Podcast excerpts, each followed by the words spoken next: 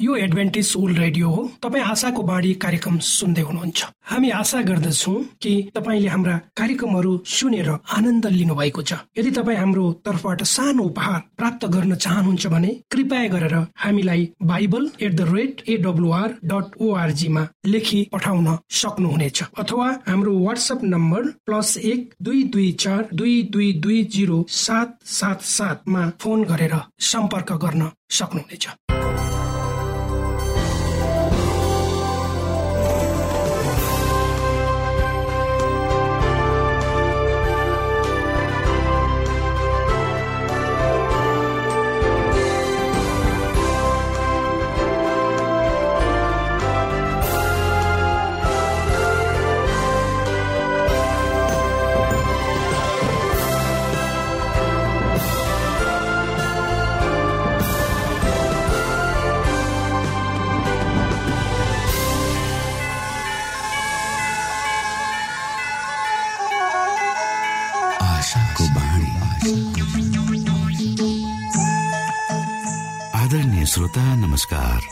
समय तपाईँ Adventist world रेडियोको प्रस्तुति भोइस अफ होप आशाको बाणी कार्यक्रम सुन्दै हुनुहुन्छ।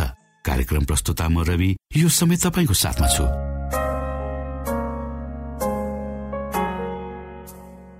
आफ्ना कामहरू अनि व्यस्ततालाई एकातिर राखेर हामीसँग केही समय बिताउने क्रममा यहाँ हुनुहुन्छ। हामी यहाँलाई हाम्रो कार्यक्रममा सहभागी हुनका लागि अनुरोध गर्दछौ।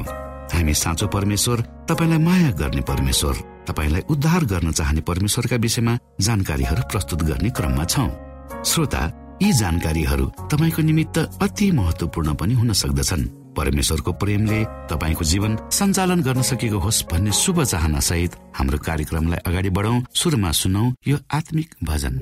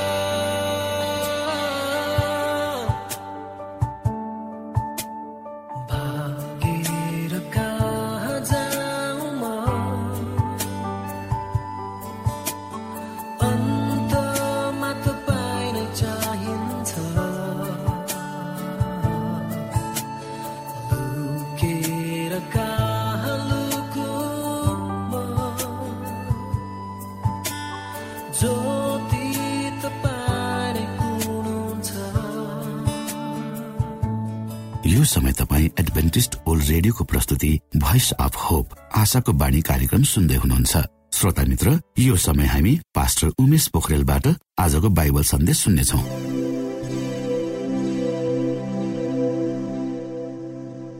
श्रोता साथी न्यानो क्रिस्टियो अभिवादन साथ म तपाईँहरूको आफ्नै आफन्त अर्थात् पास्टर उमेश पोखरेल परमेश्वरको वचन लिएर यो रेडियो कार्यक्रम मार्फत तपाईँहरूको बीचमा उपस्थित भएको छु। मलाई आशा छ तपाईँले हाम्रो कार्यक्रमहरूलाई नियमित सुन्दै हुनुहुन्छ र परमेश्वरको आशिष प्राप्त गर्दै हुनुहुन्छ। आउनुहोस् तपाईँ हामी केही समय परमेश्वरको सामिप्यतामा आफ्नो अमूल्य समय बिताउ। आजको प्रस्तुतिलाई पस्कनुभन्दा पहिले आउनुहोस् म परमेश्वरमा अगुवाईको लागि प्रार्थना राख्नेछु। जीवी जिउँदो महान दयालु परमेश्वर प्रभु हामी धन्यवादी छौँ यो जीवन र जीवनमा दिनुभएका प्रशस्त आशिषहरूको लागि। प्रभु यो रेडियो कार्यक्रमलाई म तपाईँको हातमा राख्दछु।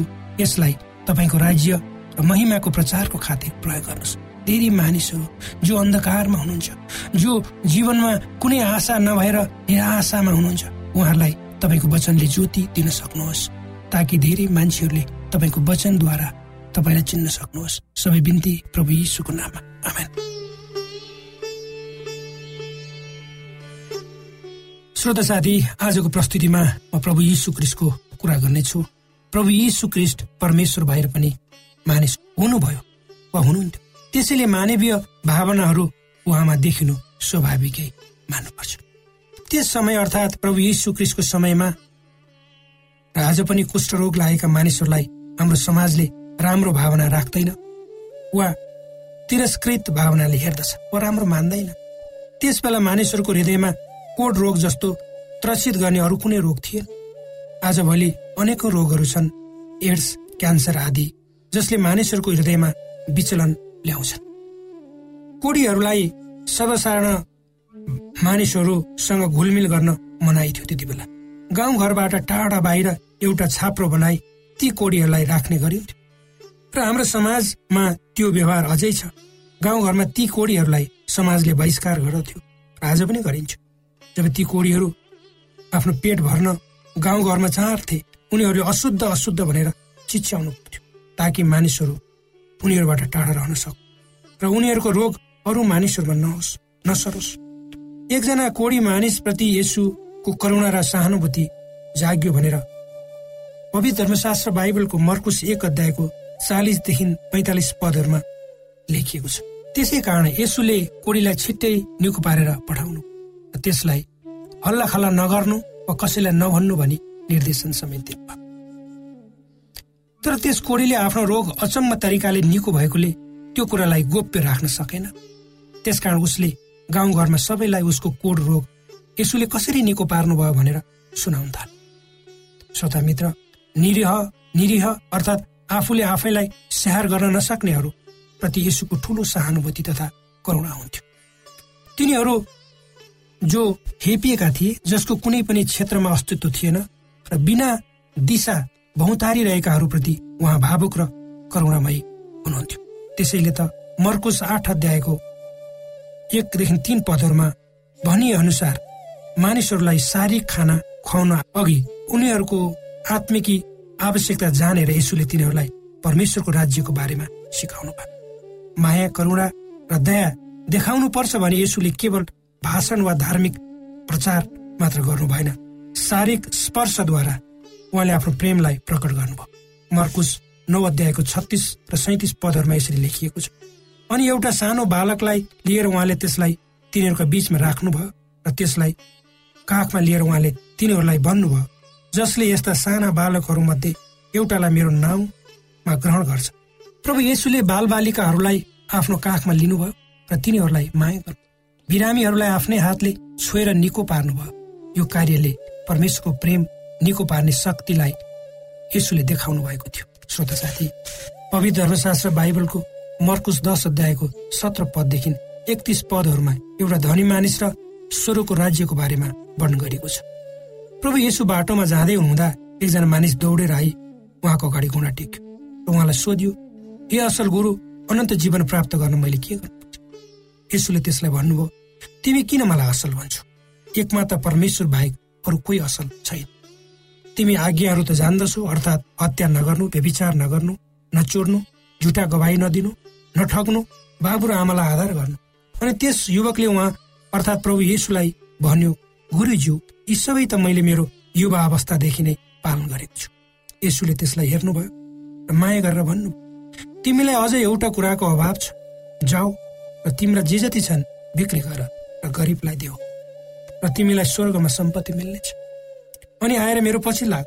तर त्यस कुराले त्यस त्यसको अनुहार उदासिलो भयो र त्यो दुखित भएर गइहाल किनभने त्यससित धेरै धन सम्पत्ति थियो। तपाईँ हामी पनि त्यो युवकको अवस्थामा हुन सक्छौँ श्रोता। अझ कति मानिसहरू यो संसारमा नै टाँसिरहन चाहन्छन् त्यसको साथसाथै परमेश्वरको आनन्द र शान्तिको अनुभूति पनि चाहन्छन्। तर त्यो सम्भव छ। श्रोता साथी पवित्र धर्मशास्त्र बाइबलको लुका भन्ने पुस्तकको उन्नाइस अध्यायको एकचालिसदेखि चौवालिस पदहरूमा यसरी लेखिएको छ। जब यसो नजिकै आइपुग्नुभयो र सहरलाई देख्नुभयो उहाँ त्यसको निम्ति रुनु शान्ति कुन कुराले ल्याउँछ भनेर तैँले आज पनि जानेको भए हुने थियो। तर अब तेरो दृष्टिबाट त्यो लुकेको छ। किनकि तमाथि यस्ता दिनहरू आउनेछन् जब तेरा शत्रुहरूले तेरो वरिपरि मोर्चा बाँधेर घेरा हाल्नेछ र सबैतिरबाट तँलाई थुनी राख्नेछन्।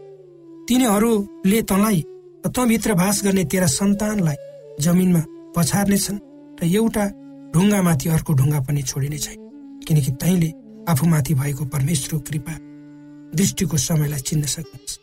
यी पदहरूले प्रभु येसु एरुसलेम सहरलाई हेरेर अत्यन्तै भावुक हुनुभयो भन्ने कुरा स्पष्ट गर्छ।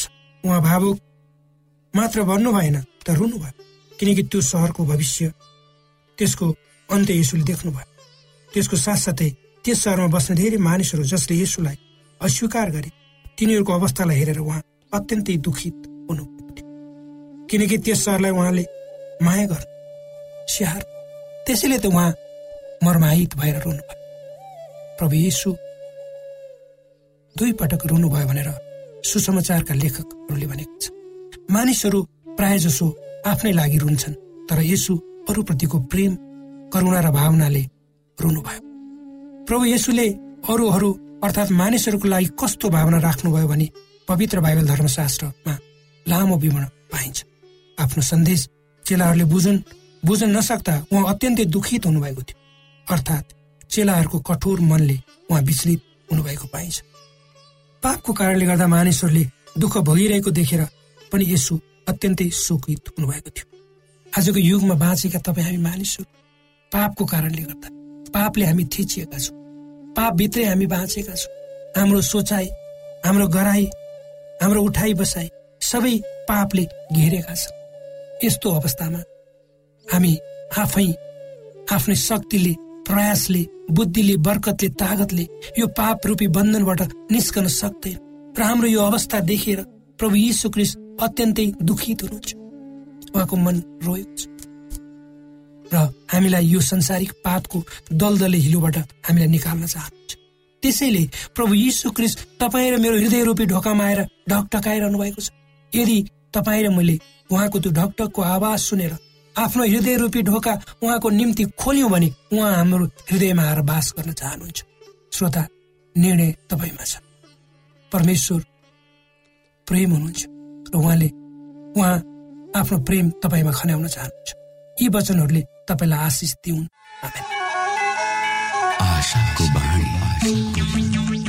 श्रोता भर्खरै यहाँले पास्टर उमेश पोखरेलबाट बाइबल वचन सुन्नुभयो। यो समय तपाईँ एडभेन्टिस्ट ओल्ड रेडियोको प्रस्तुति भोइस अफ होप आशाको बाणी कार्यक्रम सुन्दै हुनुहुन्छ। कार्यक्रम सुनेर बस्नुहुने सबै श्रोतालाई हामी हाम्रो कार्यक्रममा स्वागत गर्न चाहन्छौ। श्रोता मित्र यदि तपाईँ जीवनदेखि हरेस खानु भएको छ तपाईँका जीवनमा धेरै अनुत्तरित प्रश्नहरू छन् भने आउनुहोस् हामी तपाईँलाई परमेश्वरको ज्योतिमा डोहोर्याउन चाहन्छौ र तपाईँ आफ्नो जीवनका चिन्ता फिक्रीबाट निश्चिन्त हुनुहोस् र बाँच्नुको आनन्द परमेश्वरको सामिप्यमा कति मिठो हुन्छ त्यो चाख्नुहोस् भनी हामी चाहन्छौँ। श्रोता यदि तपाईँ आशाको बाणी कार्यक्रमलाई अनलाइन सुन्न चाहनुहुन्छ वा डाउनलोड गर्न चाहनुहुन्छ भने डट ओआरजीमा जानुहोस्। त्यहाँ तपाईँले प्रत्येक दिनको कार्यक्रम सुन्न र डाउनलोड गर्न सक्नुहुनेछ। हाम्रो वेब पेज यस प्रकार छ W dot AWR dot ORG श्रोता यदि तपाईँ हामीसित सिधै फोनमा सम्पर्क गर्न चाहनुहुन्छ भने हाम्रा नम्बरहरू यस प्रकार छन्। अन्ठानब्बे एकसाठी पचपन्न शून्य एक सय बिस अन्ठानब्बे एकसाठी पचपन्न शून्य एक सय बिस र अर्को अन्ठानब्बे अठार त्रिपन्न पन्चानब्बे पचपन्न. अन्ठानब्बे अठार त्रिपन्न पन्चानब्बे पचपन्न. यो आशाको बाणी रेडियो कार्यक्रम हो। म धनलाल राई यहाँहरूलाई यस कार्यक्रममा न्यानो स्वागत गर्दछु। आजको समसामयिक विषयको प्रस्तुतिका साथ मिना राई। श्रोत साथी उद्देश्य प्रेरित आत्मा परिवर्तित कथाहरूमा आजको कथा दोस्रो जीवन पिटर चिन श्रोत साथी पिटरले हिसाब सिकाउने शिक्षक बन्न चौबिस वर्षसम्म अध्ययन गरेको थियो। ऊ चिनको एक गाउँमा रहेका आफ्ना गरिब आमा बाबुहरूको स्याहार गर्न चाहन्थ्यो। तर स्वास्थ्यमा सङ्कष्ट भएकोले उसको योजना भताभुङ्ग भयो। एकैछिनमा उसले सबै थोक गुमाएको महसुस गर्यो। यदि त्यस्तो परिस्थितिमा नआएको भए मैले परमेश्वरको नजिक कहिल्यै आउने थिइनँ होला।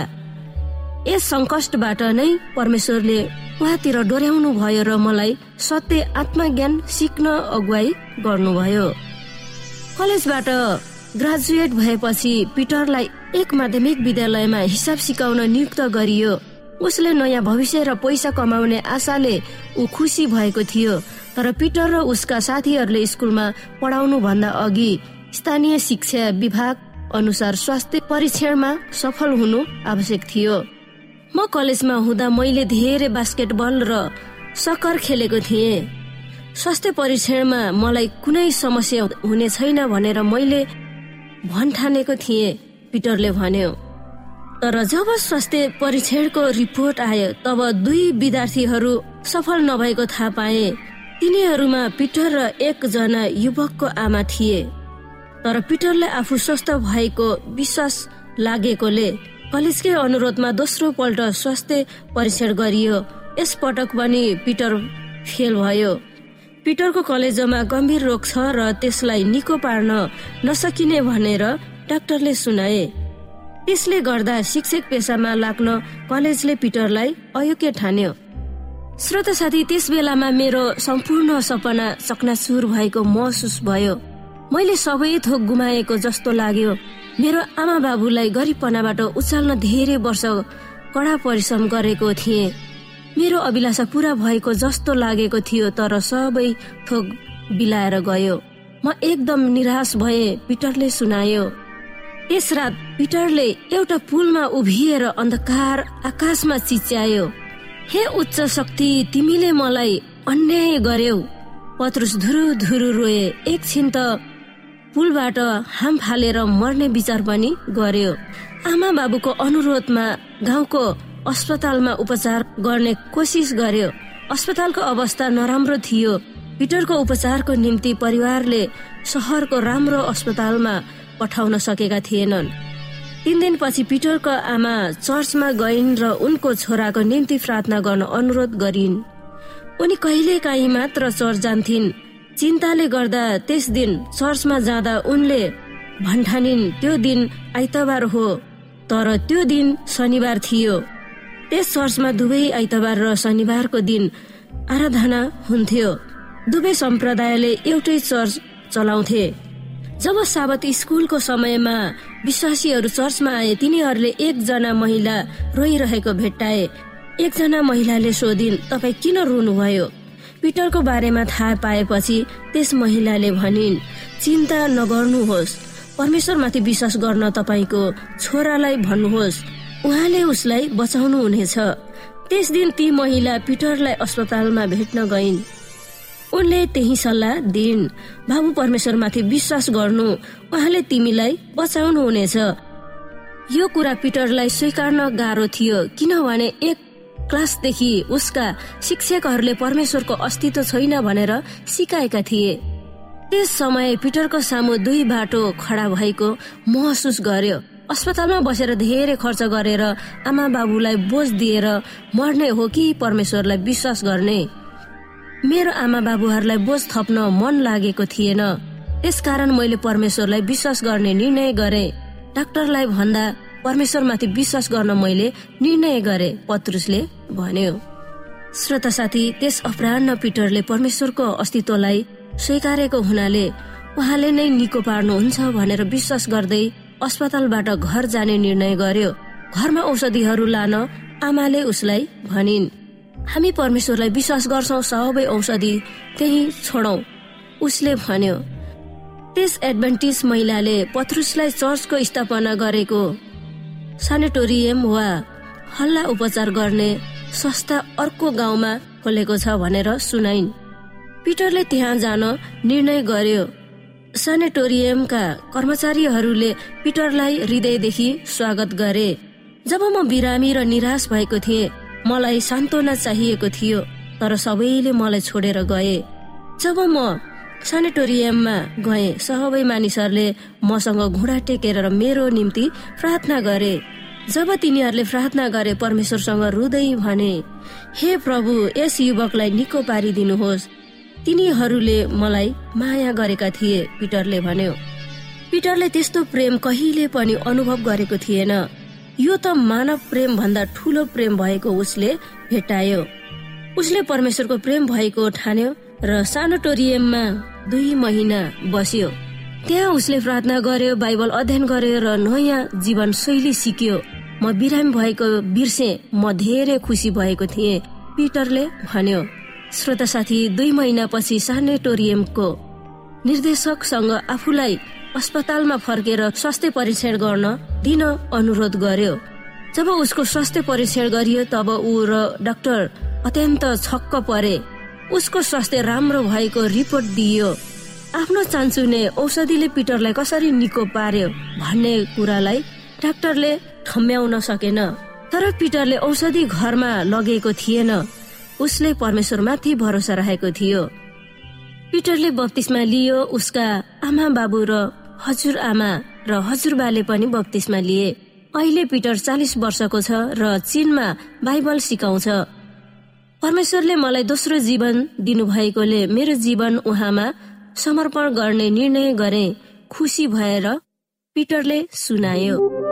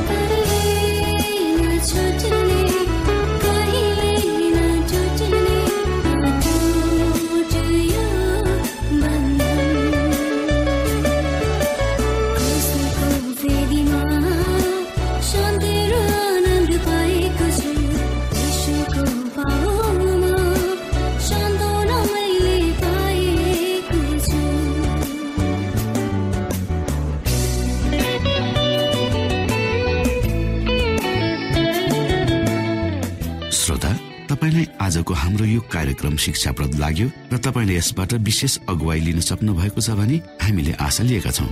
हामीसँग पत्राचार गर्ने हाम्रो ठेगाना यस प्रकार छ। आशाको बाणी पोस्ट बक्स नम्बर दुई शून्य शून्य शून्य दुई काठमाडौँ नेपाल। श्रोता यदि तपाईँ हाम्रो स्टुडियोको नम्बरमा सम्पर्क गर्न चाहनुहुन्छ भने हाम्रा नम्बरहरू यस प्रकार छन्। अन्ठानब्बे एकसाठी पचपन्न शून्य एक सय बिस। अन्ठानब्बे एकसाठी पचपन्न शून्य एक सय बिस। र अर्को अन्ठानब्बे अठार त्रिपन्न पन्चानब्बे पचपन्न। अन्ठानब्बे अठार त्रिपन्न पन्चानब्बे पचपन्न। हवस् त श्रोता भोलि फेरि यही स्टेशन र यही समयमा यहाँसँग भेट्ने आशा राख्दै। प्राविधिक साथी राजेश आडा पास्टर उमेश पोखरेल र कार्यक्रम प्रस्तुता म रवि। यहाँसँग विदा माग्दछौ। नमस्कार।